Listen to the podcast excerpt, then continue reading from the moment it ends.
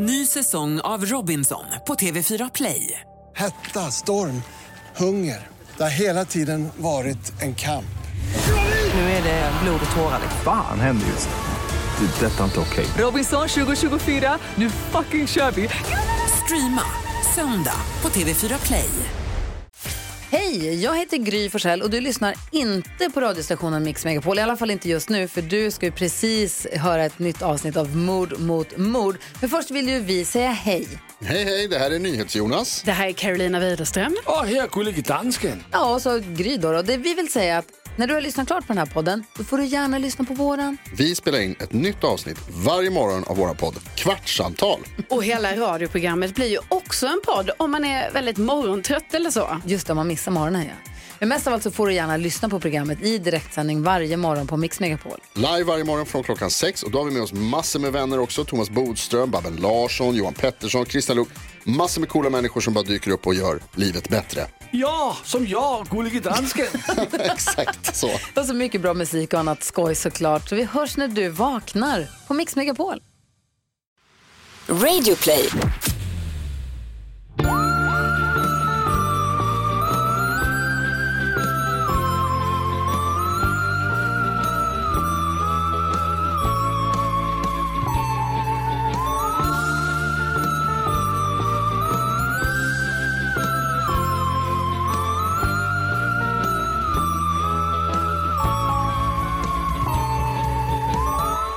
Och välkomna till Mord mot mord. Välkomna hit. Hej, välkomna hit till vår eh, lilla, Till vår lilla Värld. gathering. just det, vår lilla gathering. Eh, jag heter Karin André, du heter Anna Sandell. Det här är vår podcast. Ja, Där vi... eh, som heter Mord mot mord. Som heter Mord mot mord och framförallt handlar om... True crime. Just det. Det är det det handlar om. Just det, det är det handlar om. Alltså du, Ja. var det, kommer du, det var så länge sedan vi poddade nu. Jag vet, det känns som det var skit. Men det är för att, ja, det är för att det är det. Det är typ en och en halv vecka sedan. För att vi var vet, det väldigt känns som tidiga det, sist. Det känns, som det år. är mer än en och en halv vecka. Jag vill redan på förhand be om ursäkt till dig om min, eh, mitt bröst trillar ur min klänning. För jag känner att det är på väg Jag vet. ske. Men jag har fått den här klänningen av dig så du kan inte Så vara Fan, jag ska inte ge så bystiga klänningar till dig. Skriv ner det. Du glömde bort att jag aldrig bär bh. Fan. Börjat göra det, jag känner mig så vuxen. Det är så vuxet Karin. Jag vet, jag känner mig vuxen men också som att jag är storbystad. Ja, jag förstår det. vet du vad jag längtar efter? Nej. Att jag längtar efter den dagen jag slutar amma Ja. och jag kan börja ha fina bh igen. Japp. Som inte är befläckade hela tiden. Befläckade. Det låter som att du, alltså, det låter mer som att det är bh man hade under sin vilda singeltid.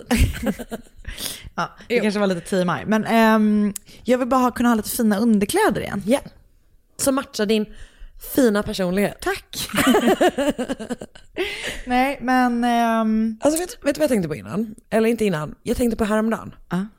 För att jag lyssnade på ett My Favorite Murder minisode tror jag. Ja.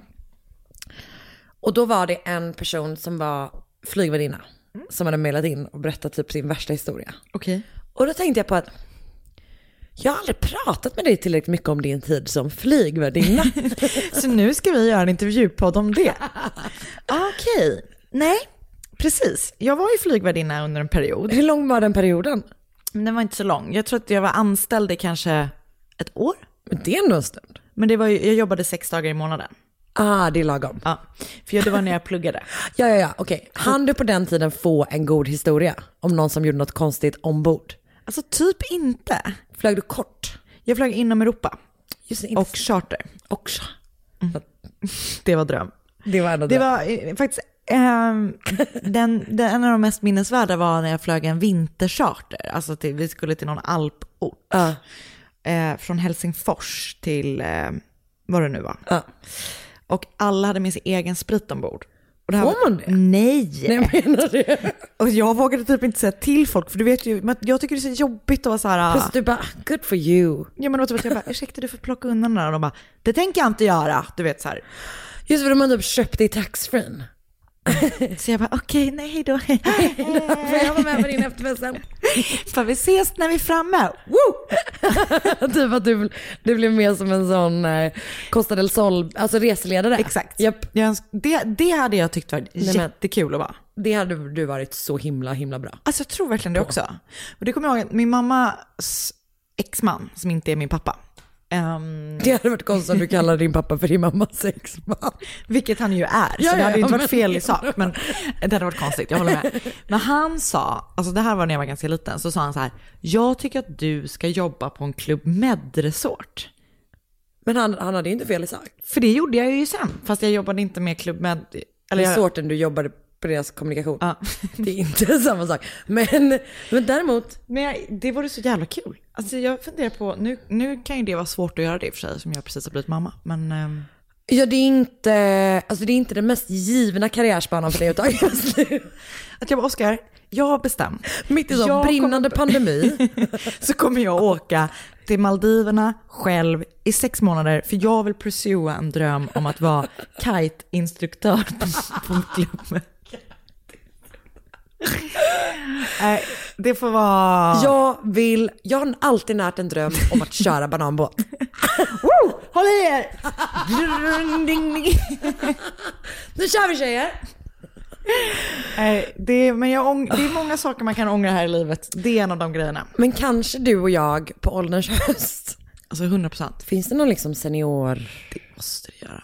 Vet du vad annars? Annars startar vi Startar vi. För Kanske vet du vad, om man är typ pensionär, inte fan vill man åka till typ Maldiverna och träffa någon sån hurtig fucking 20-åring. Nej, man vill ha anpassade aktiviteter. Ja, med, med, Anpassade människor. med ledare som man, med kiteinstruktörer man kan relatera till. Ja.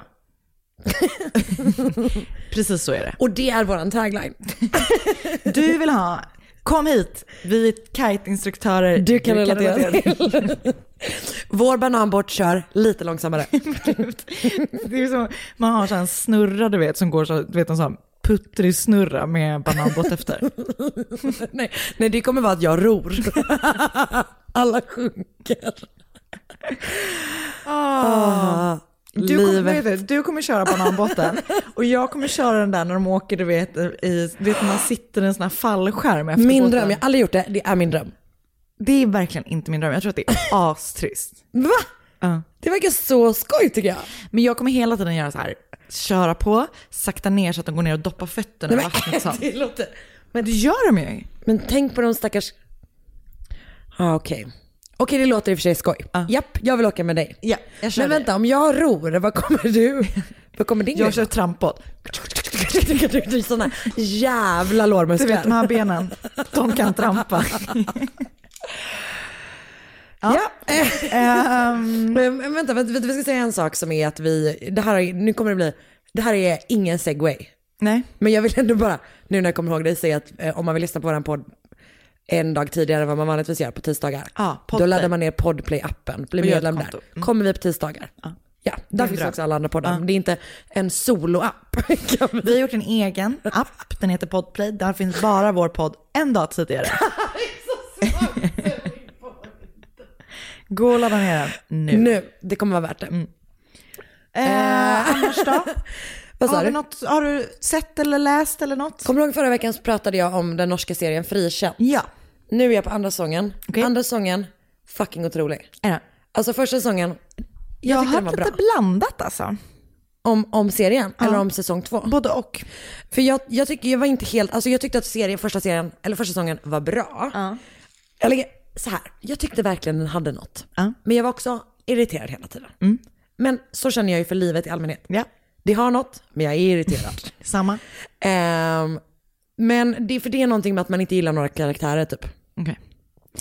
Men andra säsongen är liksom, den är lite mer så konspirationig. Ja, den är, Okej. precis när man tror att det ska vända så bara, nej okej, back in the dark. Ja, för det var det den personen som jag tänker på som var en av de blandade som sa så här, nej på säsong två då har de liksom misstänkt redan alla, alla personer och så är man tillbaka på ruta ett så börjar man misstänka alla igen. Ah, okej. Fast jag, nej, nej jag, tycker den har, jag tycker den är jättebra. Okej. Jag tycker faktiskt den är väldigt bra. Men för jag tänkte att jag inte ville se den för att jag gillar ju inte svenska serier. Men Nej. på, den här är norsk. Den är norsk, Så jag du, gillar älskar ju norrmän. Ja, jag vet. Det är ju Lena Endre, är ju den enda norsk, Ja, svenska men henne gillar jag. Ja, hon är, spelar en fruktansvärt enerverande person. Mm. Som, som jag sa till Marcus idag, det enda jag gillar med den här karaktären är att hon röker mycket. Är hon så stressrökare? Ja, extremt mycket så. Eh, tightly wound, eh, liksom eh, överklasskvinna. Mm. Ja. Japp, som gör vad som helst för, för För familjen. en cigg? För en cigg. Okej, nice. det- Ja, men jag kanske får ge det ett försök då. Ja men det, ja. Mm, ja. Jag är just nu lite mätt på true crime. Jag förstår verkligen. Ehm, så att jag, jag tittar på den här Shadow of Truth. Har du sett den? Just det, nej.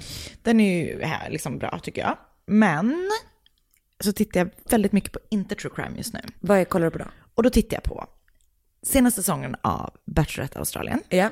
Superbra. Ja. Jätte, jättebra. Det är otroligt alltid. Men jag tittar som sagt, jag kanske har sagt det här förut, jag vet inte. Gift vid första ögonkastet USA. Ah, är det Säsong bra? 9 på SVT Play. Mm. Oh my god, det är Oh my god. We're, We're back, back again. again. Nej men det är otroligt. Är det så? Ja. På vilket sätt? Det är så jävla sjukt bara. Alltså det är bara så sjukt. Och du vet så här, det, det är också det som är så sjukt är att jag har bara sett till när de är fortfarande på honeymoon. Ah, okej. Mm, Så, de har gift sig och jag, jag tror att jag har sett tre eller fyra De avsnitt. är än så länge okej med varandra. Ja. Ja. Och det är så roligt för typ så här, det är så, det är så intressant bara att göra det. Och det verkar, alltså jag tycker det typ att det är en ganska bra idé. Förutom att jag tycker det är konstigt att några är väldigt unga. Ja. Och Det... De, är de därför av fel anledning? Nej, jag tror inte det. Eller jag vet inte. Vill, jag tänker, vill de bli kända? Det känns inte som det med de här människorna tycker jag. Nej, och vissa unga vill ju gifta sig. Ja. så är det ju ändå. Oh, det är väldigt intressant. Ja, men härligt. Jag älskar det. Så jag vill faktiskt eh, Slå ett slag för. slå ett slag för det. Eh, själv, så jag måste ju alltid ha en icke true crime-serie som bara kan pågå i mitt liv. Ja. Eftersom det är väldigt avslappnande för mig. Det var ju Masterchef Australia, det var ju Below Deck väldigt mycket. Eh, nu, Modern Family, Nej. gått tillbaka dit. Okej. Eh, Det är ju väldigt roligt tycker jag. Men också- jag retar mig alltid på det innan jag börjar titta på det. Förstår du ja vad jag men menar? sen, det bara pågår. Men det är ju verkligen ytterst sådär. Om man vill ha en sån serie så tycker jag verkligen att man kan kolla på The Good Place. Har du inte sett det? Ah, den är härlig. Men jag fattar inte Karin, en sak. Okej. För du kollar aldrig på det jag tipsar dig om som inte är true crime-relaterat. Typ batch, alla Bachelor och alla Bachelorette-säsonger. Jag gillar inte Bachelor så mycket. Men Bachelorette då? Nej, det är ändå ganska likt. Jag fattar inte. Jag gillar typ inte datingprogram så mycket. Åh, det är så tråkigt. Jag vill bara att du ska titta på det. kan du bara titta på det? Det är också sånt som bara pågår. Alltså, Jag- det är sånt som jag tar en nap till. Ja, alltså, nej, alltså, jag kanske kommer komma in i det, men en, jag känner mig så, det, här, det känns som jag stångar med blod emot en mur.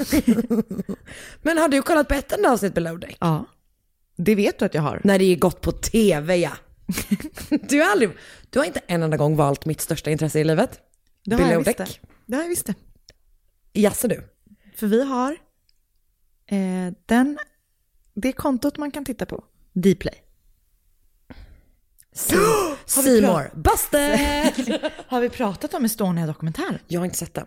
Den är helt sjuk Nej men? Karin. Jag vet, jag har, jag har eh, ko- kollegor som är, Jag måste Obsessed. säga, det finns ett före och ett efter Estonia-dokumentären. ja men jag får, jag får ge mig på den snart nu. Det, jag måste göra det. Och det brukar ju stressa mig när det finns fem avsnitt, en timma, Ah. kopplat till en sån, du vet så här, ah, Men det är mycket runt omkring va? alltså det är fan, ja. Ja. Han verkar väldigt intressant, han som har gjort den. Nej men alltså, Vrak är ju det läskigaste jag vet. det är så jävla läskigt. Alltså, Alltså, ja, det- det... är så läskigt. Ja, kan jag, inte- jag får alltså, panik typ. Jag tror att det är lite grann därför jag har alltså, dragit mig för att kolla på det. Jag minns ju också alltså, när Det hände? Ja, att Ja, det gjorde mig också superrädd som barn för att typ åka en båt. Det är sjukt, och det, alltså sådana där Det sitter färger. kvar fortfarande i mig. Men alltså när min pappa fyllde 70, då ville jag, det här är ju då 12 år sedan, Ja. Eh, då ville jag och min syster göra någonting tillsammans med honom. Så vi bara, ska vi resa någonstans? Men jag, vi hade inga pengar. Nej. Så ni bara, pappa, visst har du alltid drömt om att se Tallinns hamn? Nej, visst har du alltid drömt om att åka till Helsingfors med dina två döttrar på Silja Line? Ja. Så då gjorde vi det. Det är typ hur billigt som helst, vill jag bara säga. Ehm, och vi hade faktiskt jättemysigt. Vägen över var så fint, så liksom en natt på båten. Så åt vi lunch i Helsingfors, det var jättemysigt. På vägen hem blir det alltså storm. Så att, du vet, när vi gick i korridorerna där bara- på båten, alltså vi lyfte från marken. Japp. Alltså, det var fruktansvärt. Alltså, jag har aldrig varit så glad när vi klev i land hemma. För det Jag var vet. verkligen att jag Nej, bara, det är så jävla läskigt. dör vi nu?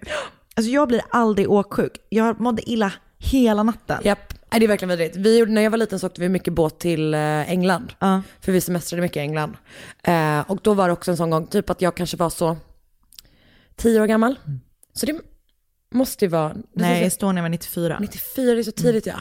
Ehm, nej men och då var det också, alltså du vet att man gick och det var verkligen, alltså det kändes som lustiga fucking huset. Nej, det är skitläskigt. Not so lustigt anymore. För jag kräktes överallt. Och vi åkte med, det var mamma och jag var där med mamma och mormor. Och mamma var också jätte, Ni bara kräktes överallt båda två. Och mamma försökte liksom, för jag bodde i mormors rum. Mm. Så, men så fort jag började bli sjuk så gick bara mormor ner med mig till mamma och bara, hon är också sjuk så du kan ha henne med. Mamma bara, god damn it. Usch, det är så hemskt. Ja det är verkligen vidrigt. Min mamma sa häromdagen, apropå den båten över Tegnan, hon bara Jag önskar att färjan till England fortfarande gick, det var så trevligt. Jag bara, nej du önskar det för att du är paniskt flygrädd. Så låtsas inte att du tyckte det var härligt att åka färja över till England. Jag och din mamma, Mm. vi ska åka färja. Nej, för det ska ni inte, för det är fett läskigt med färger. Men det kan vara läskigt med flyg med. Ja, men inte lika. Och tåg. Jag och din mamma, vi tar tåget till London. Ja, det kan ni ju. Ska vi göra ett byte? Ska du åka någonstans med min mamma? Gärna. Vart, vart ska ni åka då? Men jag och Rosita, vi kommer nog åka typ och springa ett lopp. För det vet jag ju att din mamma gillar. Och jag gillar ju inte att springa så mycket. Men Försök inte göra det till för henne. Alltså hon kommer upptäcka det. Du vet, du vet i somras när hon sa att vi skulle ta en promenad, den pågick i tio timmar Anna. Ja, det det här är vad den här kvinnan gör. Du kan inte spela med henne. okej. Du kan säga så här, vi kan åka och vandra lite. Ja. Fast då kommer ni vandra i åtta timmar. Men, Men det går inte. Nej, ni jag får, vandrar vi stannar hemma, vi timmar. stannar hemma. Men jag åker med Rosita. Hej då! Ny säsong av Robinson på TV4 Play. Hetta, storm, hunger. Det har hela tiden varit en kamp. Nu är det blod och tårar. Fan händer just det. Det är detta inte okej. Robinson 2024, nu fucking kör vi! Streama söndag på TV4 Play. Ett poddtips från Podplay. I fallen jag aldrig glömmer djupdyker Hasse Aro i arbetet bakom några av Sveriges mest uppseendeväckande brottsutredningar. Går vi in med hemlig telefonavlyssning och, och då upplever vi att vi får en total förändring av hans beteende. Vad är det som händer nu? Vem är det som läcker? Och så säger han att jag är kriminell, jag har varit kriminell i hela mitt liv men att mörda ett barn, där går min gräns. Nya säsongen av Fallen jag aldrig glömmer på Podplay.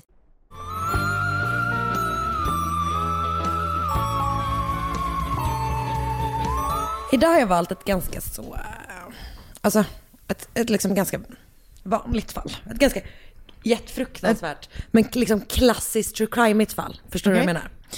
Eh, det här börjar då den 8 augusti 1824 när William Palmer föds i Rudgley, Staffordshire, en bit utanför Birmingham. England. ja. Eh, Europa. det Jorden. Visst, det finns, det Galaxen. jag tänker det finns Birminghams i USA, eller hur? Det gör det säkert. Tack. Eh, Birmingham, det var fan dit vi skulle den resan när jag kräktes. Vidrig plats på jorden. Eh, hans pappa heter Joseph, hans mamma heter Sarah, hon kallar sin son för Billy och är väldigt, väldigt förtjust i honom. Eh, familjen har åtta barn, fem söner, tre döttrar och William föds som tredje sist har jag skrivit, vilket var Alltså, Ja, han är i mitten typ. Ja, exakt. Femte barnet i, Mm. i sjätte barnet i en skara av åtta. Ett av hans syskon, en flicka som heter Sarah, som föds två år innan honom, dör när hon är väldigt liten. Så de har liksom sju levande barn då. Och Joseph som jobbat med typ timmer, om jag förstått det rätt, han dör när William är 12 år gammal. Och enligt The Books newspaper från 1856, he dropped dead suddenly at home whilst eating bread and cheese. Vilket, om jag ska gå på Jag något sätt. säga det, not a way, bad way to go. Alltså verkligen. Och Joseph har då, jag vet inte, jag är lite osäker på om han kom in i den här relationen med pengar eller om han har sparat ihop pengar under liksom tiden han har jobbat. Han är ganska, alltså han verkar, det verkar gå ganska bra för honom. Okej. De är typ medelklass. Mm. Eh, det finns också teorier om att han typ stal timmer och typ det var så han tjänade pengar. Mhm. Men hur som helst så har han en del pengar när han dör. Okej. Och alla barnen får 7000 pund var. Vilket måste vara Mycket- mycket as- pengar då. Mycket pengar, verkligen. Eh, jag tror att jag senare räknade ut att 250 pund var 33 000 pund idag. Gud. Men gud. Står, var 7000 pund i liksom, Då måste vi tänka var de översatta Då- i, dag, dag, alltså i dagens värld? Nej. Okej, vet du vad? Det kommer vara många summor som vi reagerar på Och i det det här spelar inte fallet. så stor roll. Nej, men det är, de får liksom ändå en, en, en bra summa. Men de får bara det om de, alltså för de får det på sin 21-årsdag, om de inte har gift sig då. Okej. Vilket är jättekonstigt tycker jag. En annan speciell grej är att Sarah, mamman då, hon får 26 000 pund. Under en förutsättning som är så jävla aldrig snål. om sig. Hon får aldrig gifta om sig. Alltså, jag, hade så- också, jag hade också villkorat det. Så. jävla pissigt. Verkligen. Eh, som sagt är Williams mamma väldigt, väldigt liksom förtjust i honom och ganska många källor säger typ att, hon, att han var hennes favorit då. Han fick göra väldigt mycket som han ville under sin uppväxt. Eh, och hans mamma var liksom så här, när han gjorde fel så hjälpte hon honom ur knipor Ja. utan att liksom direkt så här, tillrättavisa honom. Och det är också vad som händer när han som 17-åring åker fast för att han stjäl från sitt jobb. Han är lärling på ett apotek i Liverpool och öppnar typ post som kommer dit och i dörren tar liksom pengar och sånt om det är någon som skickar pengar dit. Eh, så att han liksom, eh, han stjäl från sin arbetsgivare helt enkelt. Men, han- och så han åker fast eh, och får sparken. Men hans mamma betalar då tillbaka det han har stulit och så här ber om ursäkt jätte- jättemycket tills de lovar att inte press charges. Okej. Så han får inga liksom polisiära, det kommer inga polisiära följder på det här. På grund av då hans mammas, liksom, att hon rycker ut typ. Ehm, så han gör förstås det som är givet. Han fortsätter med samma sak eh, på sin nästa arbetsplats. Och han jobbar då för en läkare i en liten by nära Rudgley som heter Great Haywood. Och också därifrån så stjäl han då pengar och håller på och grejer med posten och får sparken men inga rättsliga påföljder. Och den här gången tror jag att också att hans bröder är med och betalar. Och alla typ syskon har liksom så här, de är typ läkare, de är advokater, Okej. alltså det är den typen av, vilket betyder på då på att det är typ en medelklass Ja. familj liksom. Eh, så jag tror att ganska många av dem har det ganska gott ställt liksom och ganska bra karriärer typ. Hans mamma ber jätte- jättemycket om ursäkt. Eh, under den här tiden så blir han också avundsjuk på en kollega under den här tiden han jobbar med den här läkaren. Eh, för att den här kollegan börjar dejta en tjej som han gillar väldigt mycket. Så han dränker kollegans grejer i kemikalier och eh, eh, cuts up his boots. Rimligt. Så konstigt att ens komma på det som straff. Ja, ja, nej, det, är, det är speciellt. Och ehm, under den här tiden så träffar han också the future Mrs William Palmer. En tjej som heter Anne, men kallas för Annie. Men mer om henne sen. Jag tänker typ att de här två lärlingsplatserna han har haft tyder ju på att han ska liksom in i medicinen. Han ska bli läkare. Och jag vet inte om det är han som har valt det eller om det är hans mamma som har valt det åt honom. Men hur som helst, han ska börja plugga till läkare. Ehm, 1844 så börjar han sina medicinstudier på Stafford Infirmary. Och man noterar redan från början att han är väldigt intresserad av mediciner, men också gifter. Ehm, det går inte så bra för William på läkarlinjen kan man säga. Eh, han är ganska sugen på att typ göra andra saker och ha roligt snarare än att läsa medicin. Eh, han får då sitt arv från sin pappa när han fyller 21. Då flyttar han till London och eh, börjar plugga där. Han läser, till, alltså läser på St. Bartholomew's Hospital. Så jag vet inte om han går, liksom, ja, om de också har någon slags utbildningstjänst då helt enkelt. Ehm, men han har då precis fått alla de här pengarna. Han är ju riktigt sugen på att bränna Spänn dem, sätta, sätta sprätt på dem typ. Och eh, det beskrivs som att han liksom inte kunde så här, motstå frestelser. Enligt Staffordshire County Councils super, super, super detaljerade beskrivning av Williams liv. Så he wasted his time on women, drinking and singing and did very little studying. Det är så kul hur mycket sjöng han Alltså, Verkligen, han bara la, da, da, da, da. Stop singing William, we're trying to study. Han tänkte kanske att hans liv var mus- en musikal. Ja just det, det är bara det som var problemet. Ehm, nej men så att William har liksom kanon i London då på alla sätt förutom att, han är, att det går jättedåligt för honom i, i, i plugget liksom. Så inför hans tentor, alltså så slut, hans examen, så ringer, hans, ringer någon från skolan till hans mamma och bara, vet du vad, han kommer inte Klara det här. han kommer inte klara det här. Det finns inte en chans. Han är sämst. Han är bara ute och sjunger hela tiden. Det är svinstörigt. Alla gillar alla, Alla bara honom. får köpa jättemycket öronproppar, slänga sina fönster. På den tiden fanns inte sådana noise cancelling Nej. headphones. Ehm, de får stänga alla sina fönster. Hon löser det genom att anställa en privatlärare till William som hon lovar 100 pund om han ser till att William klarar sina tentor. Okej. Baxar honom igenom slutet på den här utbildningen. Och han lyckas med det.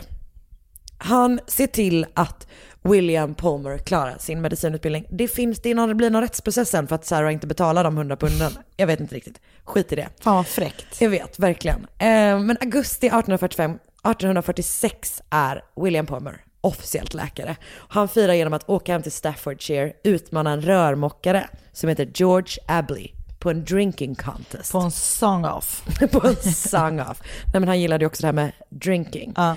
Ehm, han går till liksom den lokala puben, stöter på George där. Där säger han att, George, eh, då säger William så här, han bara, George vet du vad? Jag lovar att du aldrig kommer kunna dricka two tumblers of brandy. Vad är en tumbler? Det är väl bara typ en, ett, liksom ett stort glas tror jag. Alltså som en, Jaha, som, en sån, som ett typ sånt Duralex-glas? Alltså ja men som- typ liksom Ja. ett redigt typ. Ja. Ehm, och George bara, eh, det kan jag visst det. Mm. Du kommer inte hit med din läkarexamen och säger att jag inte kan dricka sprit. Mm. Så George dricker på och han klarar det superbra. Han klarar det så bra att han sen måste bäras hem. Mm. Senare under natten så dör George Okej. i sin egen säng. Och ingen vet riktigt vad som hände. Men i trakten runt Staffordshire, runt i Staffordshire, så börjar man då diskutera om det kan ha att göra med det faktum att William Palmer hade raggat på George fru. Och hon hade avvisat hans närmanden.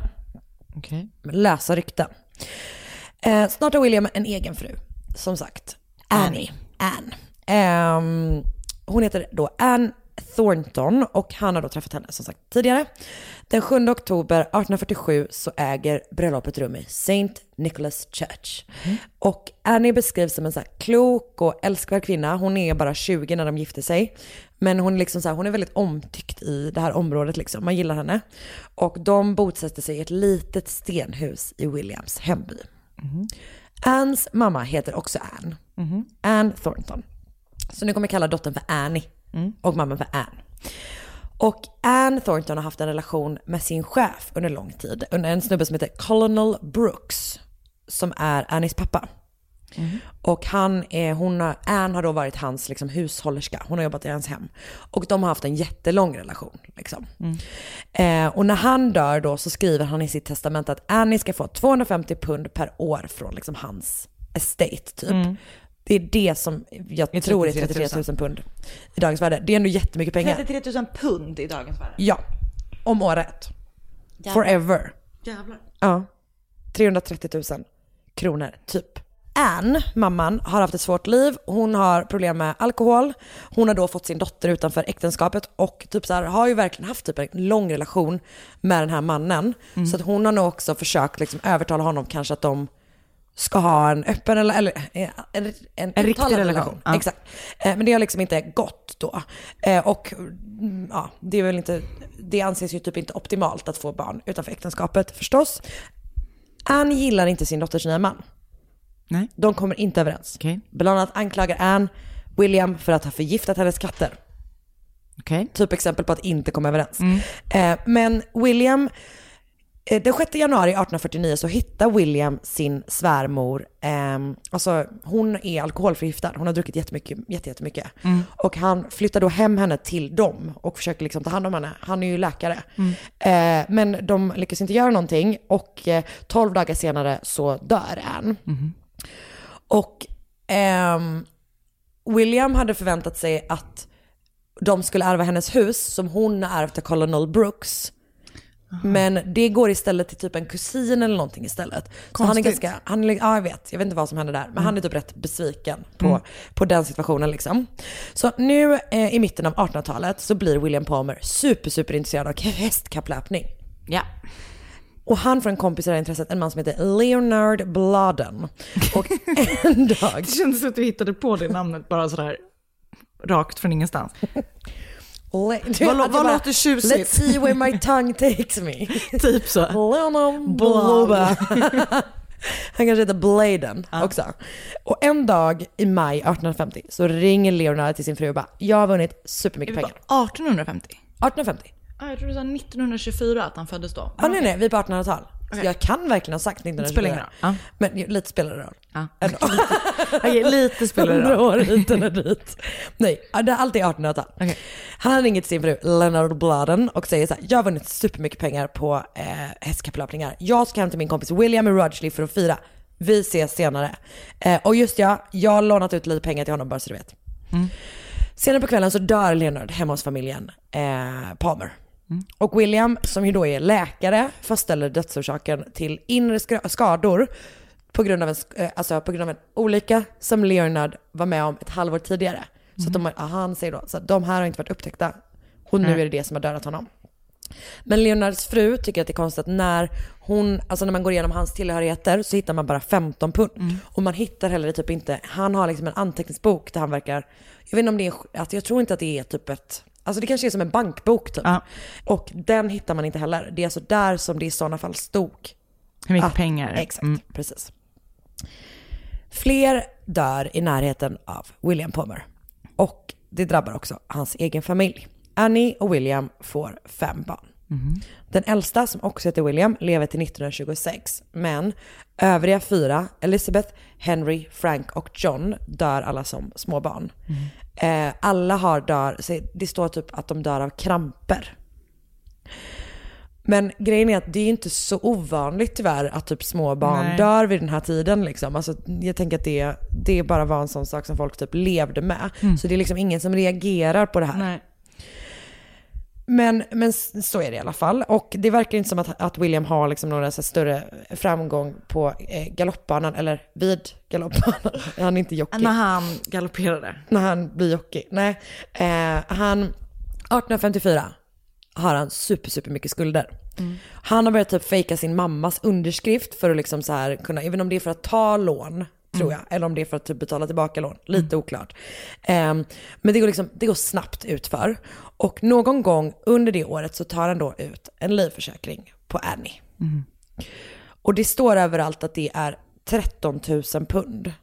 Vilket är 1,7 miljoner pund i dagens värde. Jäklar. Men han har bara behövt betala 750 pund totalt. Liksom, för den har han har tagit ut den på, under så pass kort tid. Liksom. Mm. I september 1854 så åker Annie på en konsert i Liverpool med Williams syster Sarah. Eh, men på vägen tillbaka så är det typ, hon blir förkyld. Eh, hon liksom är kall i vagnen typ. Och väl hemma så bäddar hennes man ner henne eh, och liksom börjar vårda henne. Dagen efter så serverar han en lätt frukost som hon inte, hon kan inte behålla någon mat liksom. Hon blir sjukare och sjukare och till slut den 29 september 1854 så dör Annie och dödsorsaken är kolera säger man. Eh, för det är liksom, det hade dödat 23 000 personer i Storbritannien. Jag vet väldigt lite om den här sjukdomen. Ja, jag vet. Jag med. Eh, förutom att det inte var det som dödade Annie. det är det jag vet. Och att man alltid säger vill du ha pest eller kolera för att båda två är hemska. Ja, precis. Men är det inte så att det är en som man verkligen, verkligen vill ha? Som kanske är kolera? Det är nog kolera i så fall. En pestchans. Det vill man inte ha. Nästan lite vintage. man bara, kan inte komma till jobbet idag? Jag ska vara pest. Så hemskt. Ja. Bara, åh. Nej, du kan inte få ångest för pesten nu. Du bara, Eller kan jag? du är hypokondrikingen alltså. Gud, jag börjar känna lite. Jag känner mig det lite, pesten? känns som att det är lite pest faktiskt. Ehm, Okej. William är tröstlös. Han är verkligen en sörjande enkeman. Så mycket en sörjande enkeman att han nästan exakt nio månader senare får ett barn tillsammans med sin hushållerska. Ja. Eliza Tharm. Lät också som att jag hittade på Ja. Ja. Eh, Ett år senare så försöker William ta ut en livförsäkring på sin bror Walter på 84 000 pund. Vilket känns bara överdrivet. Det, han lyckas heller inte med det. Mm. Nej. Folk är såhär, det här är, det här är konstigt. Too much. Så mycket är inte Walter värd, kanske de säger. Ehm, men, men man, ja, det som är problemet är att Walter också har stora, al- alltså grava alkoholproblem. Så att han har väldigt svårt att få honom försäkrad. Till slut anställer han en snubbe som håll, alltså vars enda jobb är att hålla honom nykter under så pass lång tid att han kan genomgå en, en, em, en un, medicinsk undersökning. Så att sen får han försäkra honom. Men gud. Och du försäkrar honom för 14 000 pund. Och den hinner han betala 780 pund på innan Walter dör den 16 augusti 1855. Försäkringsbolaget tycker att det här är lite konstigt. Och eh, de vill inte betala ut några pengar. Eh, så istället börjar de liksom undersöka William och inser då att han har försökt ta ut en försäkring på en snubbe som heter George Bates som bara verkar vara en man som har jobbat för honom. Eh, och George Bates när de intervjuar honom, han verkar nog inte ha förstått att den här försäkringen alltså, skulle göra att pengarna gick till, till honom. Till William. Utan han kanske trodde så här, ah, vad soft upp, nu är jag försäkrad. Du vet, det är som att så här, jag skulle dö på mitt jobb. Mm. Och så bara, ah, nej nej, det är ju min, det är ju Love som grundade min byrå som, som får alla de pengarna för mig. Och så är det ju. Ja, så är det är ju en sån försäkring du har. Bra. En livförsäkring framförallt. Har inte du en livförsäkring? Jag vet inte. Då har du Åh nej. Jag vill inte att du ska ta ut en livförsäkring på mig. Jag har redan tecknat den på dig. Hur mycket? Åh nej, jag är värd så lite, eller hur? Nej. Säg. I pund tack. 84 Jag 000. bara, 1850-talets pund värde är du värd 250 miljoner! Åh gud, nu känner jag mig speciell. Och eh, älskad. Bra. Eh, Okej. I november 1855 är William på en god hästkapplöpningsresa med några kompisar. De har åkt till Shrewsbury Races för att ägna ett par dagar åt att spela riktigt ordentligt. De ska spela tre dagar i rad. William har mer ekonomiska problem än någonsin. Det här försäkringsbolaget vill inte betala ut pengarna för Walters död. Han har ett nytt barn med Eliza som kräver underhåll förstås. Och dessutom så är det några som börjat hota med att eh, gå till hans mamma och kräva in de här pengarna han är skyldig. ah, vilket ah. skulle göra att hon skulle då få reda på att han har alla de här skulderna och har eh, använt hennes namnteckning. Inte så bra. Ehm, men han är i alla fall där och spelar. Uppenbarligen är det den här personen som är superspelberoende. Ja, Liksom. verkligen. Ehm, och det går tyvärr inte så bra för Nej. William. Han förlorar och förlorar och förlorar. Samtidigt går det väldigt, väldigt bra för en annan person i hans sällskap. Hans vän John Cook. John, you watch your back. You watch your fucking back John. William, han satsar på hästen The Chicken. Hade jag inte gjort, baserat bara på namn. Verkligen. John, han har nyss ärvt 12 000 pund och han spelar på hästen Polestar. Hör och häpna. Polestar vinner, The Chicken vinner inte. Nej. Man bara, vad, Ja, givet. vad är det du försöker, vad är du försöker göra här Williams? Typ lu- lura, lura oddsen. Verkligen. Mm. Eh, ja, han förlorar sina pengar. John vinner 3000 pund på det här loppet. Och det ska firas med en stor fest på kvällen. Så att ehm, John bjuder in till det och någon gång under den här festen så ser en kvinna William hålla på med någon vätska i ett litet så här provrör och senare klagar John på att hans brandy brinner något så fruktansvärt i halsen. Men John gör typ en hel scen där han skojar bort det och vilken, vilken weakling som, Verkligen. som John är som tycker att det är så starkt med sprit då. Nästa dag den 14 november så kan John inte vara med på galoppbanan för han är sjuk. Men John har ju turen att ha en vän som är läkare. Eh, så det William gör nu är att han bokar ett rum på ett hotell eller liksom något slags boende mitt emot Williams hus i då Rudgley. Så att han kan ta hand om honom så han ska bli bättre. Och han hjälper också till så himla himla snällt att typ så här hämta ut olika vinster som han har vunnit eh, på sin liksom kapplöpning och Mm. sådär. Så det, det, han, är verkligen, han ställer verkligen, verkligen upp. Men ingenting hjälper och bara några dagar senare, den 21 november 1855, så dör John Cook. Två dagar senare så dyker Johns svärfar, William Stevens, upp för att kolla lite vad som har hänt med sin eh, svärson.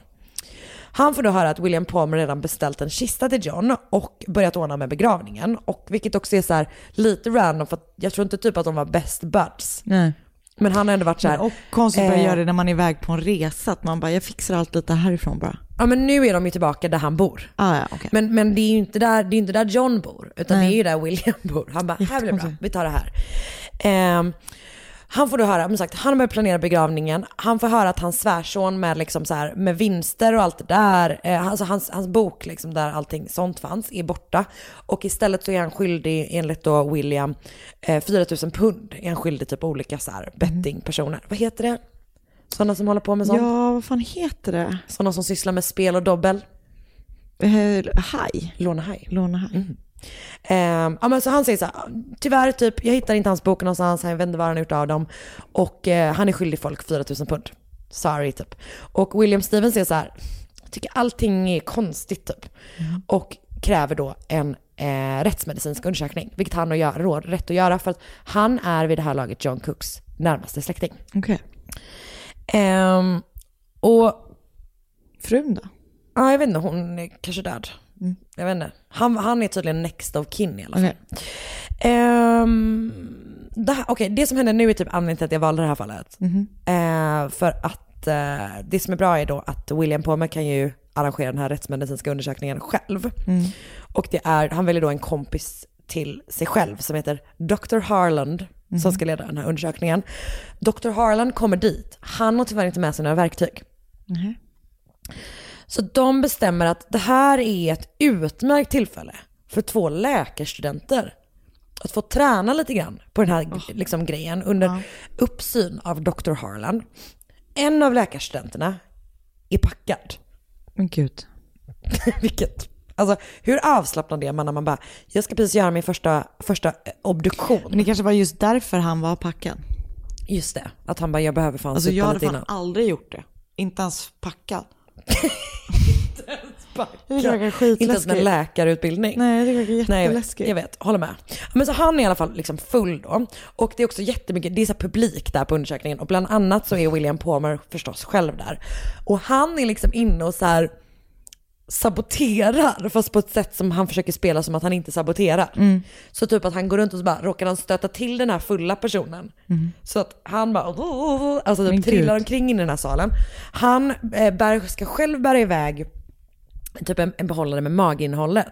Men när han gör det så är det vet han, att han liksom så här, du vet när man försöker tappa saker, åh, typ jonglera med dem.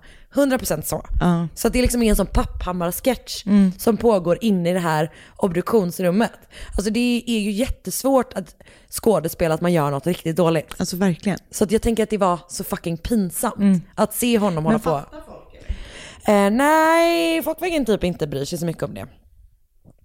Nej. Eh, utan istället så här, ehm, han lyckas liksom sabotera den här undersökningen. De här testerna man tar fram, får fram, de är typ inte, de är inte tillräckligt bra för att typ kunna testa så att han, om, han, om han har blivit förgiftad och sådär liksom. Eh, man genomför en till rättsmedicinsk undersökning, men trots det kan man liksom inte hitta fysiska bevis på att John Cook har blivit förgiftad.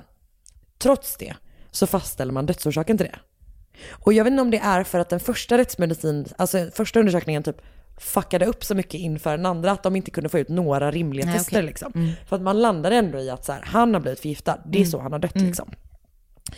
Eh, jag tror att det beror, delvis så är det, finns det en hushållerska som har blivit sjuk efter att ha provsmakat en buljong som William har gett till John. Eh, hon har bara liksom typ tagit en sked och blivit dålig liksom. Eh, och William har också köpt stryknin under de här dagarna där John har blivit sämre och sämre liksom. Och typ att man kan koppla, du vet att så här, John har mått bättre och sen har William kommit dit och då har blivit sämre igen och sådär. Så till slut då så grips William Palmer och får smeknamnet The Rudgley Poisoner, eller eh, The Prince of Poisoners i Bra. pressen. Eh, man har ju då förstås otroligt svårt att förstå att en läkare skulle kunna tänkas göra något sånt här. Eh, och det här blir ju, det blir ju liksom jättemycket uppståndelse kring det här förstås. Eh, kring den här rättegången i Old Bailey. Som jag är väldigt förtjust i att deras domstol heter. Eh, man började också misstänka att han har mördat George med dryckestävlingen, sin svärmor, sina fyra barn, sin fru och sin bror. Och man gräver också upp då Annie och Walters kroppar. Walters kropp går inte att testa. Och märklig detalj i det här är att det står så här med, när de öppnade kistan så var det en sån stank. Liksom. Man bara, ja, pigga förruttnelse. Eh, så att puben där man öppnade den kunde inte användas på flera månader. Oj. bara, men varför? Varför Gud vad konstigt. In i en Varför var ni på puben? Väldigt Var konstigt. den här fylla läkarstudenten som hade hand om den också? Liksom? Märkligt.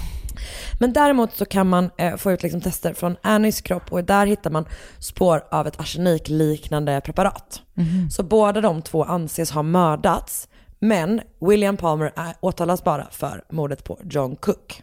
Mm.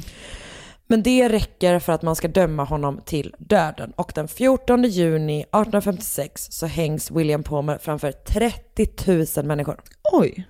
Alltså det är så jävla mycket folk. Verkligen. Han hävdar till sin död att han inte förgiftat John Cook med stryknin. Alltså det är uttryckligen det han säger, jag har inte dödat honom med stryknin. Okej. Och det typ är så här, när han liksom är på väg att hängas. Mm. Hängas? Eller jag tror hängas. Mm. Alltså typ att de frågar honom det sista han gör och det är typ det han säger. Mm. Eh, Charles Dickens kommer att kalla honom för the greatest villain that ever stood in the old Bailey. Det vet inte jag om jag håller med om. Charles, men... Eh, vem tycker du? typ Jack the Ripper. Fast han har Han aldrig har varit varit där. Ja. Ja. Whatever. Eh, jag har då läst en lång artikel på headstuff.org av eh, Kyaran Conliff. Massor av information från den här Staffordshire Council hemsidan. Mm. Där de verkar vara lite så här, ifrågasätta hans skuld. Okej. Alltså med typ så här, read the evidence and judge for yourself. De har verkligen helt stört mycket information. Mm. Jätte, jättemycket om, Intressant. om alla hans, alltså allt liksom. Eh, den är då staffscc.net slash WP Palmer.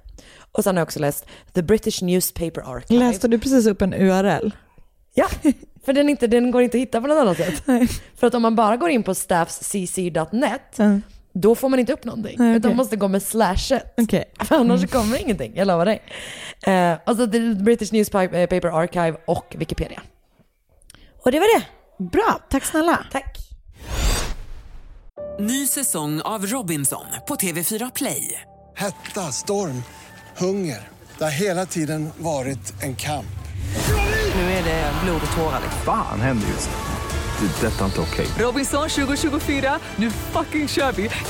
Streama söndag på TV4 Play. Ett poddtips från Podplay. I podden Något Kaiko garanterar östgötarna Brutti och jag, Davva, dig en stor dos skratt.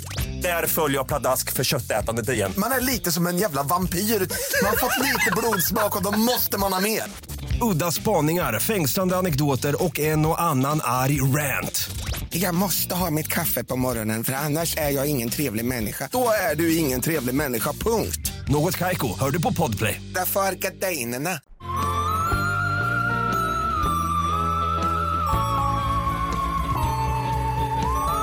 Ja. Ja. Jag kommer ta hela fallet på skånska. Nej, det kommer du inte.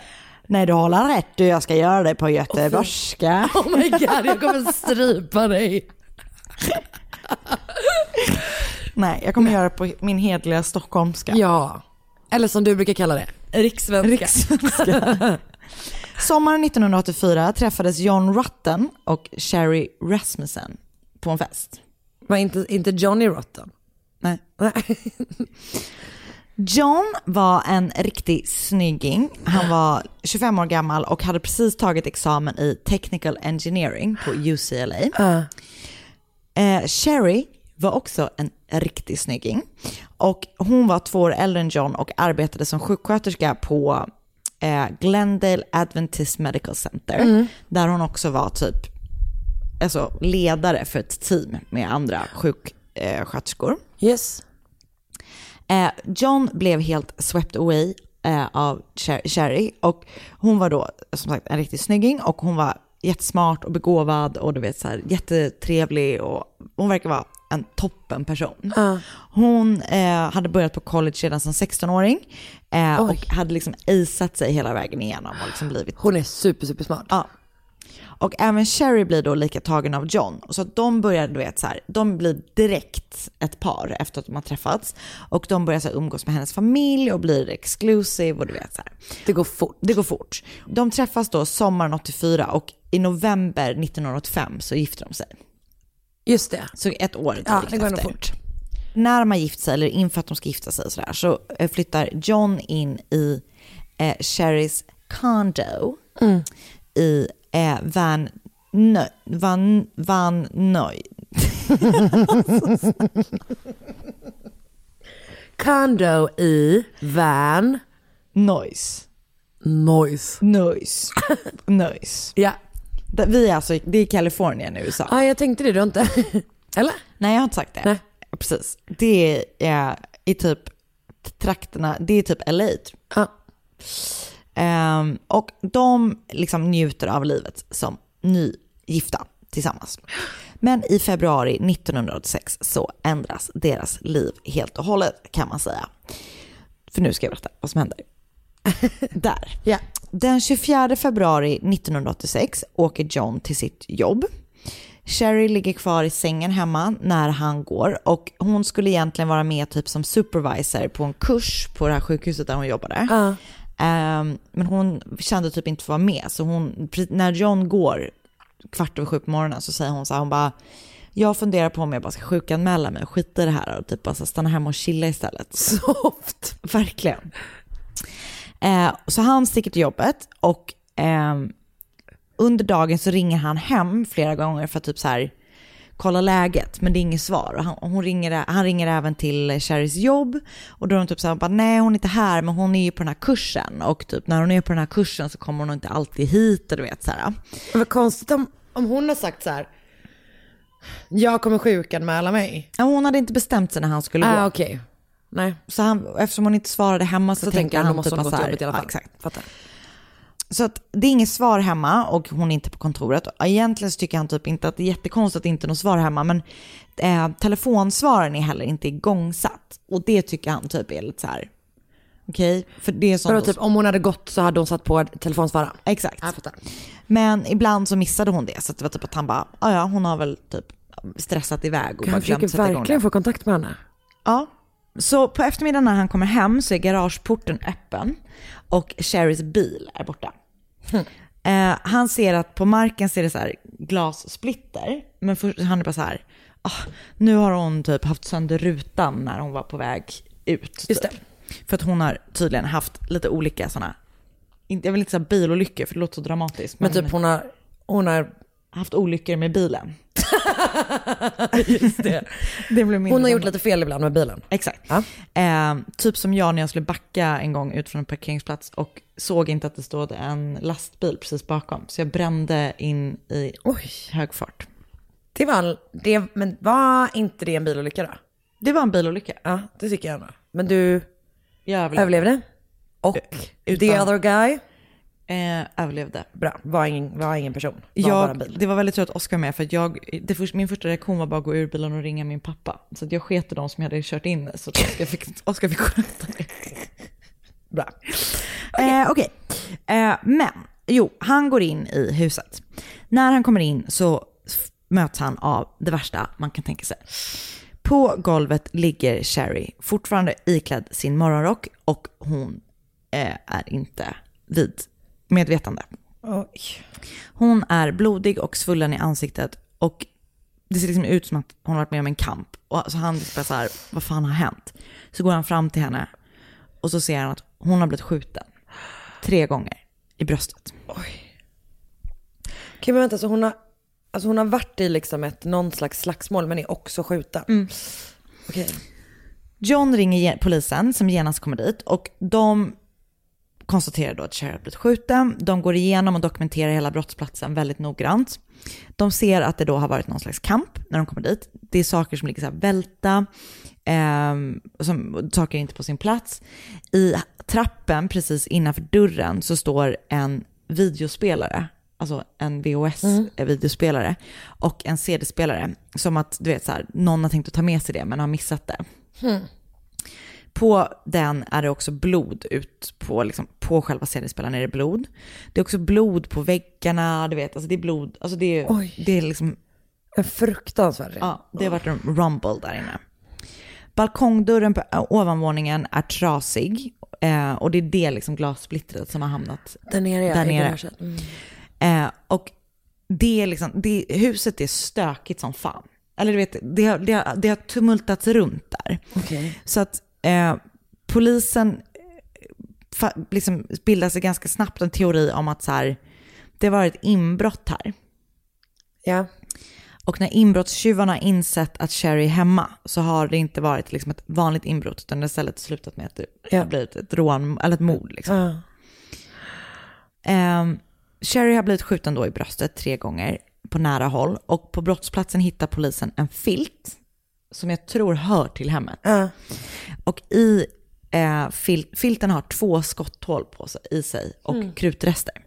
Så att det är som att... ehm, Som att man har täckt henne då? Ja, nej, man, man tror att de har tagit den som en... ehm, alltså som en... eh, alltså Som en ljuddämpare? Exakt.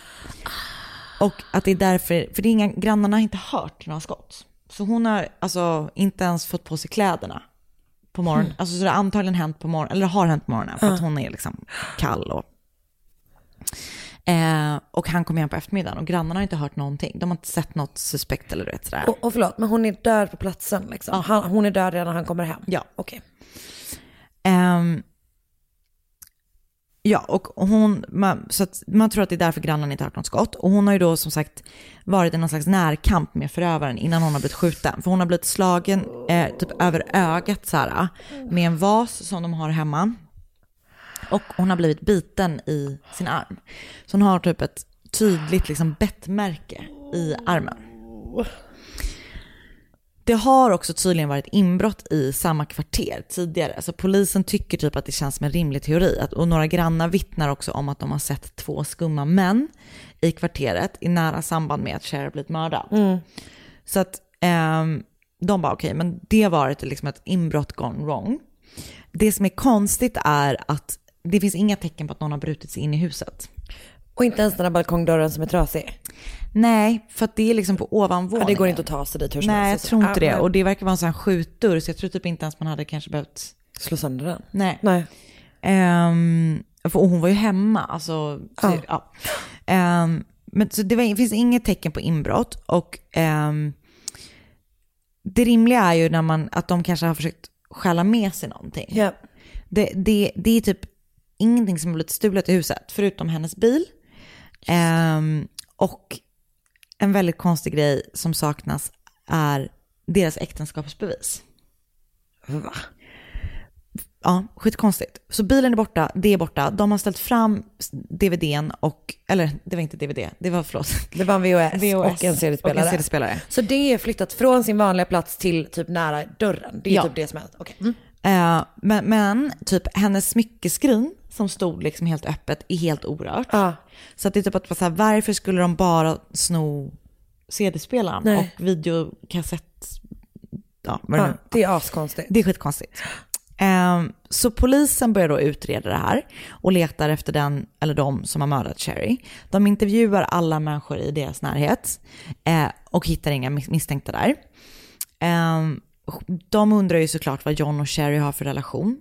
Men han har ehm, vattentätt alibi för dagen som hon har blivit mördad. Och alla runt omkring dem vittnar också om att de har ett jättebra äktenskap. Men han gick ifrån henne på morgonen? Mm. Alltså jag tänker, han har ju inte ett alibi för, han vaknade ju ändå bredvid henne. Det gjorde han. Ja, så att, fast man kanske kan kolla dödsorsaken eller dödstiden eller någonting. Jag tror det. Eh, han blir i alla fall avskriven. Han Ja. är liksom inte alls misstänkt. Ehm, och några veckor efter, eller typ tio dagar efter ehm, mordet så hittar polisen Sherrys bil. Och den hittas parkerad på en gata i närheten av där de bor. Och det ska jag också säga att de bor i ett super-gated community. Ja, såklart. Så att det är liksom inte bara att vem som helst har kunnat gå in där. Utan du vet, det är typ du vet, patrullerande, på, äh, så här, du vet, det är supergated. Så Ja. att det, det är också konstigt att det har varit inbrott där. Men det har varit inbrott där innan. Så att, ja. De hittar i alla fall bilen i närheten av där de bor. Bilen är olåst och nycklarna sitter fortfarande i tändningen. I bilen så hittar man fingeravtryck, man hittar blod och man hittar hårstrån.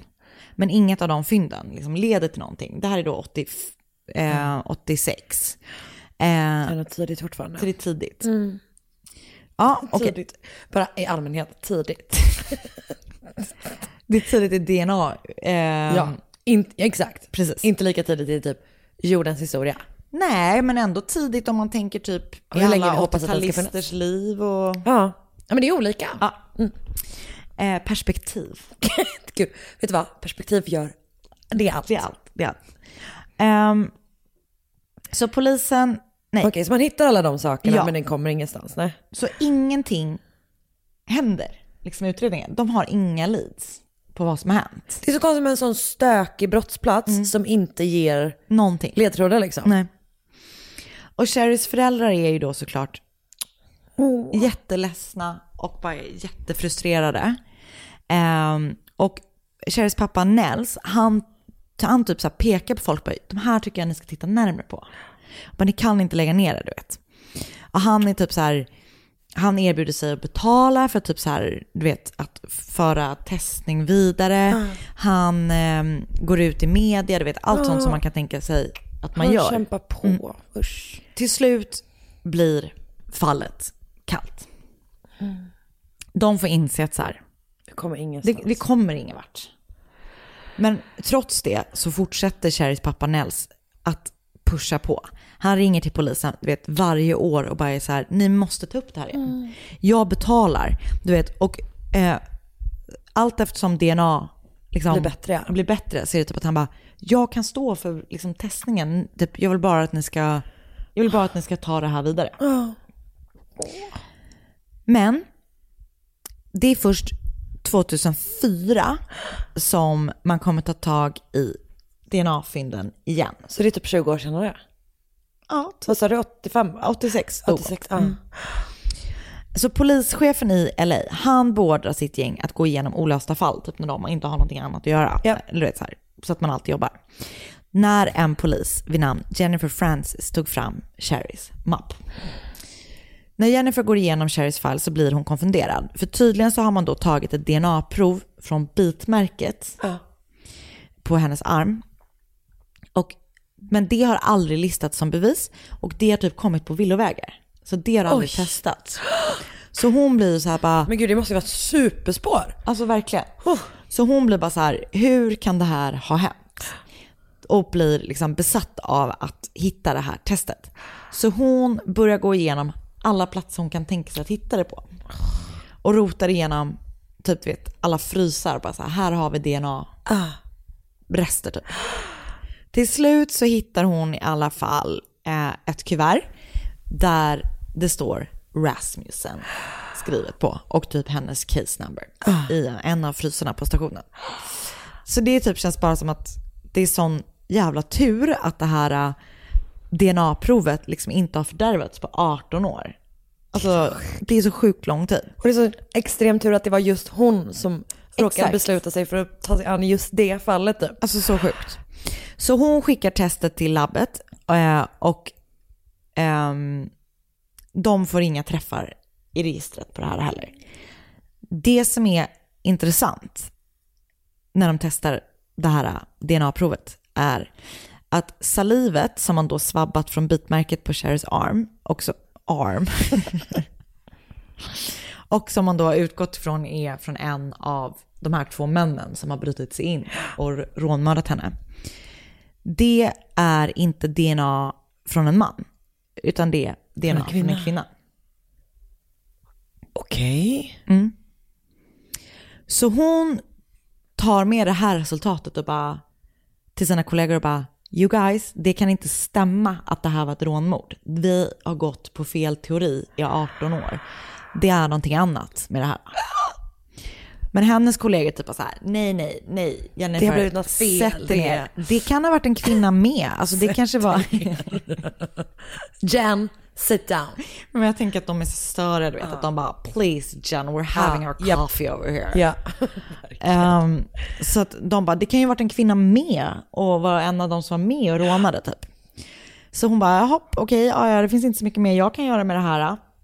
Lägger tillbaka alla papper och du vet, lägger de här nytestade testerna någon annanstans och bara, Nej. bara stänger igen. Jennifer. Case closed igen. Tyvärr. Och där var det slut. Så vi vet fortfarande inte idag vad som hänt. Nej jag skojar, jag skojar, jag skojar. Jag skojar. Du skrämmer mig. Så att det här var, verkar ha varit någon slags central eh, liksom avdelning på LAPD som hon jobbade på.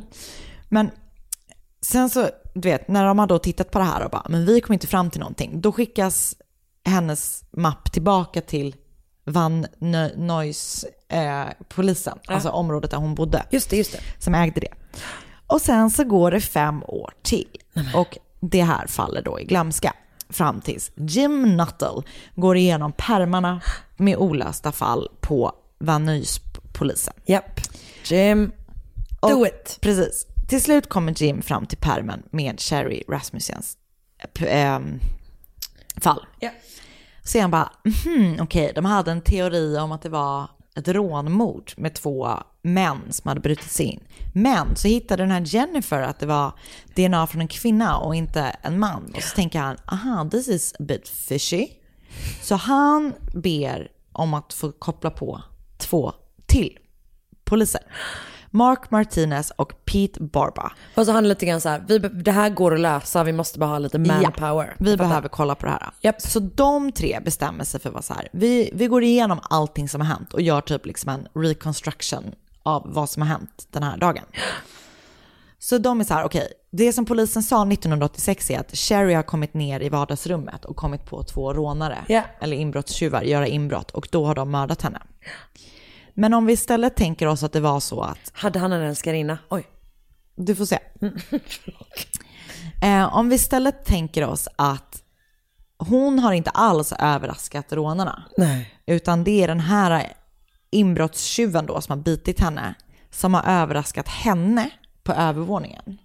Just det. Den här balkongdörren som var trasig, den har gått sönder genom ett skott. Så hon har liksom, den här personen då som har brutit sig in, har alltså överraskat Sherry på ovanvåningen, försökt skjuta henne där, varpå hon har alltså tagit flykt ner. Just det. Och den här inkräktaren efter. Där har de sen brottats i vardagsrummet. Och inkräktaren har då försökt, du vet slagit henne med den här vasen. Bitit henne. Bitit henne. Och sen har de först skjutit ett skott i Sherry och sen två skott till med den här filten som Just hjälp av. Det är då den nya teorin. Så när de har börjat liksom titta bara så här, okej, det här är inte något jävla rånmord, utan det här är... It's personal. Eh, Det är precis, någon har varit ute efter att mörda Sherry. Så nu vet de ju då att det är inte ett misstag och att det är en kvinna som har bitit henne i armen. Japp. Så det man börjar göra är bara så här, verkligen, okej, vem kan det vara? Vilka kvinnor finns i hennes närhet, eller fanns i hennes närhet, som kunde ha haft ett motiv för att mörda henne? Så de liksom går igenom alla anteckningar, de går igenom allting från 1986. Och så ser de ehm, att det finns typ fem kvinnor som kan vara misstänkta. Men en efter en så avskriver de de här kvinnorna. Det är typ någon kollega, du vet. Så här. Men det, till slut så är de typ att de bara, okej, ser att eh, en av poliserna som har jobbat med det här fallet från början har skrivit John Rottencold verified that Stephanie Lazarus PO was his former girlfriend. Och då är de så här, hmm, PO, vad betyder det? Jo, det betyder ju då såklart police officer. Så de söker på henne bland sina kollegor och ser att hon fortfarande är polis och jobbar på, alltså typ deras avdelning. Eller inte på deras avdelning. Hon de jobbar i nä- verkligen. Hon jobbar liksom, de, de är verkligen kollegor. Hon jobbar just nu med art theft på den avdelningen. Oh. Som att det, jag vet inte om det är en helt egen avdelning, men det är hennes, Det är det. det är hennes area of expertise. Ja. Så de bara, okej, det här är intressant. Det här är alltså en person som då har varit ihop med Sherrys man. Ja, innan ja. Innan. Hon är polis och hon har då varit aktuell. Eller du vet, hon, de har tittat på henne typ tidigare, 1986. Eller de ringer till John och bara, vad tror du liksom? Varför tittade de, var- liksom, vem Ja, är hon? hon- Ja. Och så var det typ att han bara, men alltså vi, har prat, vi pratade om det här 1986, det här är då typ en kvinna som jag har dejtat. Eh, och eh, Nels, alltså Sherrys pappa, har alltid bett polisen att typ så titta närmre på Stephanie. Men det var typ ingen som riktigt gjorde det då. 1986. Det vilket också säkert var för att man typ så här, delvis att man var inne på det här spåret att det var två män, att det var ett rånmord och så vidare. Men också bara att det typ är så här, det är en kvinna och Som det är en polis. polis. Mm. Japp. Så John och Stephanie, de träffades på UCLA när de båda pluggade där. Typ 1978 tror jag att de träffades. Och de bodde i, eh, samma korridor. Och båda de spelade basket och båda två var så väldigt så idrottsintresserade och de blev typ vänner först. Liksom. Men hon verkar ha blivit väldigt intresserad av liksom, honom på ett, något mer än vänner. Liksom. Medan han typ inte riktigt var det. Men Ja. de låg med varandra occasionally och var typ KKs liksom. Mitt gud, hatord. länge sedan man hör Ja, jag vet. Jag tänkte Ja. på det när jag skrev det. Men Japp. all, ni vet alla vad det är. Ja. Ehm, Stopping prudes. Eh, så hon hade först läst eh, något annat som jag nu har glömt bort vad det var, för att det har jag inte skrivit ner. Men 1983 så tog hon sin polisexamen. Just det. Och hon och John, de har typ, liksom, de ses och ligger med varandra Ja. till och från. Liksom. Tills han då träffar Sherry och blir helt... Just det, och då går det så jävla fort. Då går det så ja. jävla fort. Alltså så hon, hon tror säkert typ bara, ja ja, nej men vi har en grej här. Och sen Exakt. plötsligt är han typ så här, typ gift. Typ Att exakt det liksom så. bara... Och han är typ, vet så här, vadå vi är inte ihop, jag behöver inte berätta Nej. för henne att jag träffar en annan tjej. Medan hon är mer typ så här, Hon, ah, jag ja, fattar. blir besviken. När hon fick reda på att John hade inlett en liksom, seriös relation med Sherry så blev hon så stört ledsen. Hon har alltså skrivit brev till Johns mamma där hon skrev typ så här, wish it didn't end this way but um, eh, I will never understand his decisions. Och du vet, Ah. hon är väldigt så här, när de sen hade gift sig så dök hon upp vid hans hus ett flertal gånger och ville ha tillbaka John. Och du vet så här, hon ska någon gång ha sagt till kompisar så här, I can't have John, no one can. Och du vet, hon har verkligen varit helt besatt av honom. Ja, John och Stefan har också legat med varandra precis innan John och Sherry gifte sig. För att hon har typ bett honom komma hem till honom någon gång och varit så här, ja, han tänker väl typ så här, okej jag gör det här nu för att verkligen bara avsluta det här en gång för alla. Medan Stephanie kanske mer har varit så, nu ska jag Då ska vi, honom. Ja, just det. Ja. Men då, har de legat med varandra. Ja, och Sherry vet om det och är typ så här, okej men gör aldrig om det, så förlåter jag dig typ. Och den andra, Stephanie tänkte säkert typ så här, ja det här betyder att han faktiskt kommer välja mig istället. Ja. Och Stephanie tror jag, jag vet inte, jag tror att det var John som berättade det för henne, men du vet, hon Ja. har varit så här, Stephanie har liksom dykt upp och varit störig liksom hemma hos dem. Så att då börjar polisen vara så här, okej, vi kollar på alla tänkbara bevis som skulle kunna peka på att det är Stephanie som är, liksom, har varit involverad i det här. Så de ser till exempel att den dagen som Cher blivit mördad har Stephanie varit ledig, vilket de tycker är så här. Det är ju troligt att man som polis inte åker när man är, alltså dels för att man jobbar ju alltid två och två typ. Men ja, hon har varit ledig, hon har alltså haft tillfälle att mörda henne.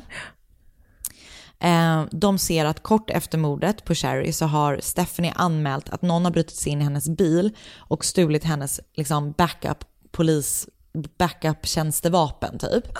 Som var en 38 kalibrigt handvapen. Vilket stämmer överens med... Vilket är precis samma som mördade henne. Ah. Hon har även berättat för sin eh, kollega som hon också bor med att hon har köpt ett låsdyrkarsätt.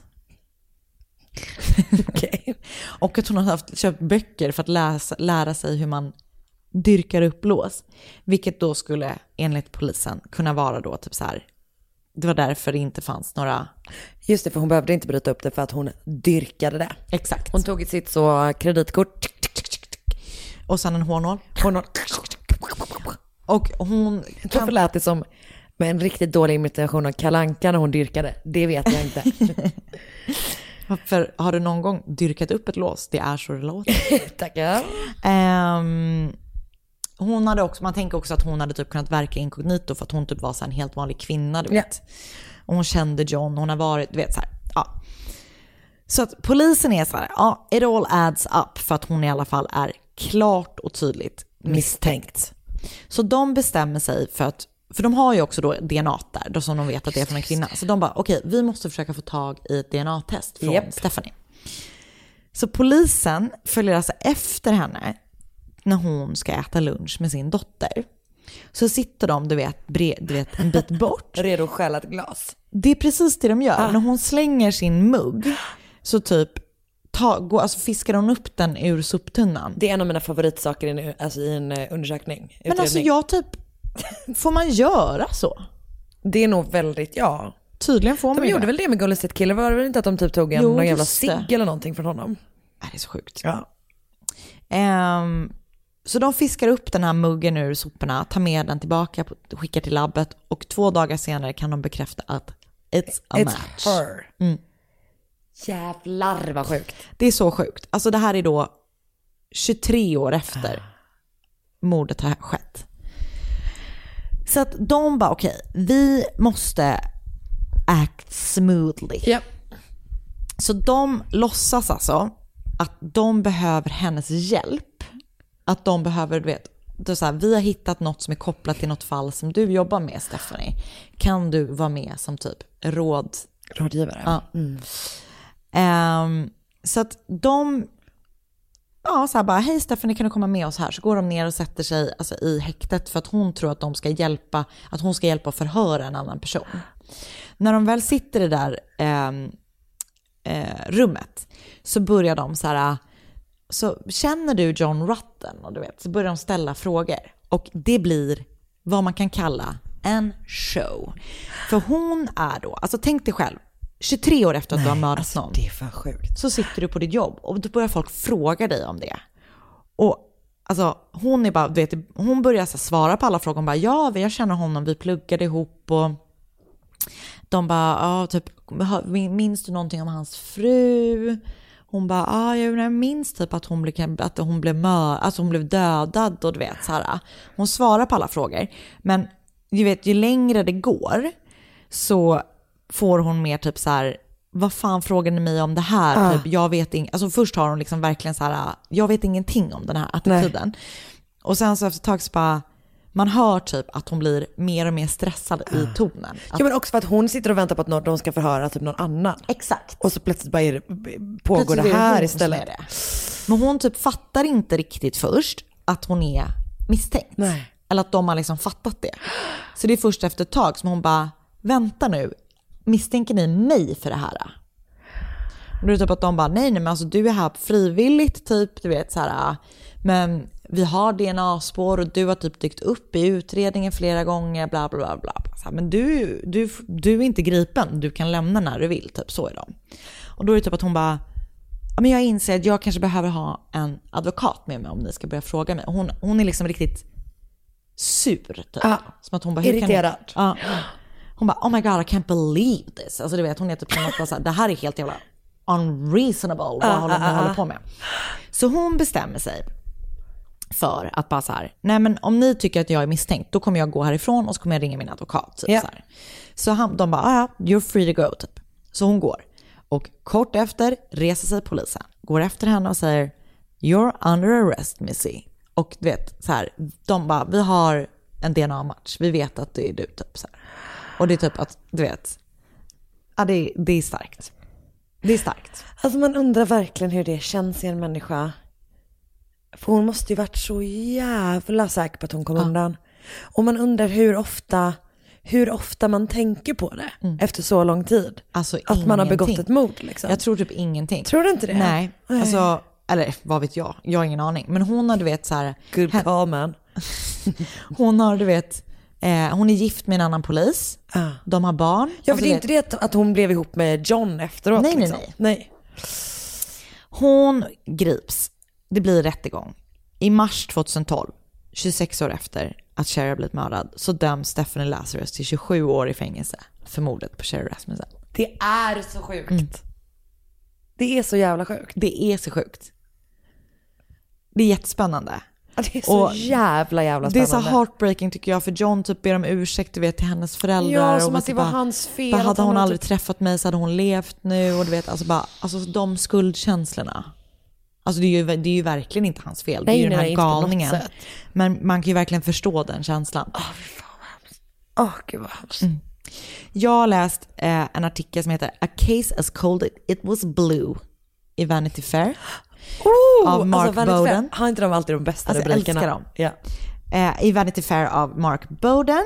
Där är det då alltså typ, den är jättelång. Det är en sån. Vanity Fair long read. Eh, och det är också typ en liten transkription av hennes förhör.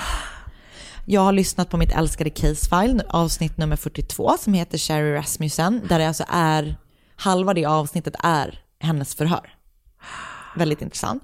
Jag har sett typ en YouTube documentary som heter eh, Cold Case Solved at 26 Years, Sherry Rasmussen, del Ah. 1 och 2. Och såklart Wikipedia. Vilken jävla resa. Ja, alltså, jag, jag skulle faktiskt eh, som vanligt casefile. Ja, nej men ja.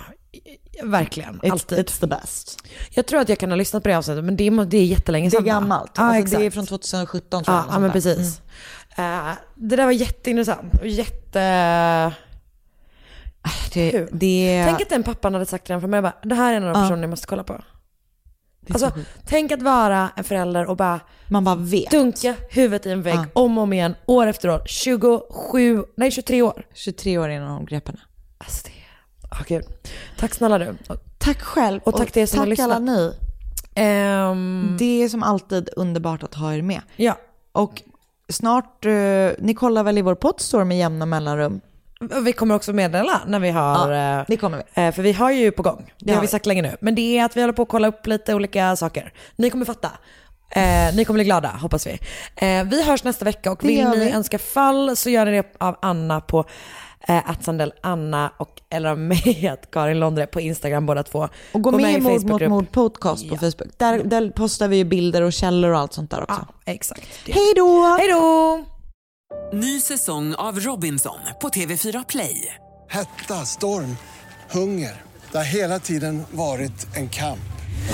Nu är det blod och tårar. Fan händer just nu. Det. är Detta är inte okej. Robinson 2024, nu fucking kör vi! Streama söndag på TV4 Play.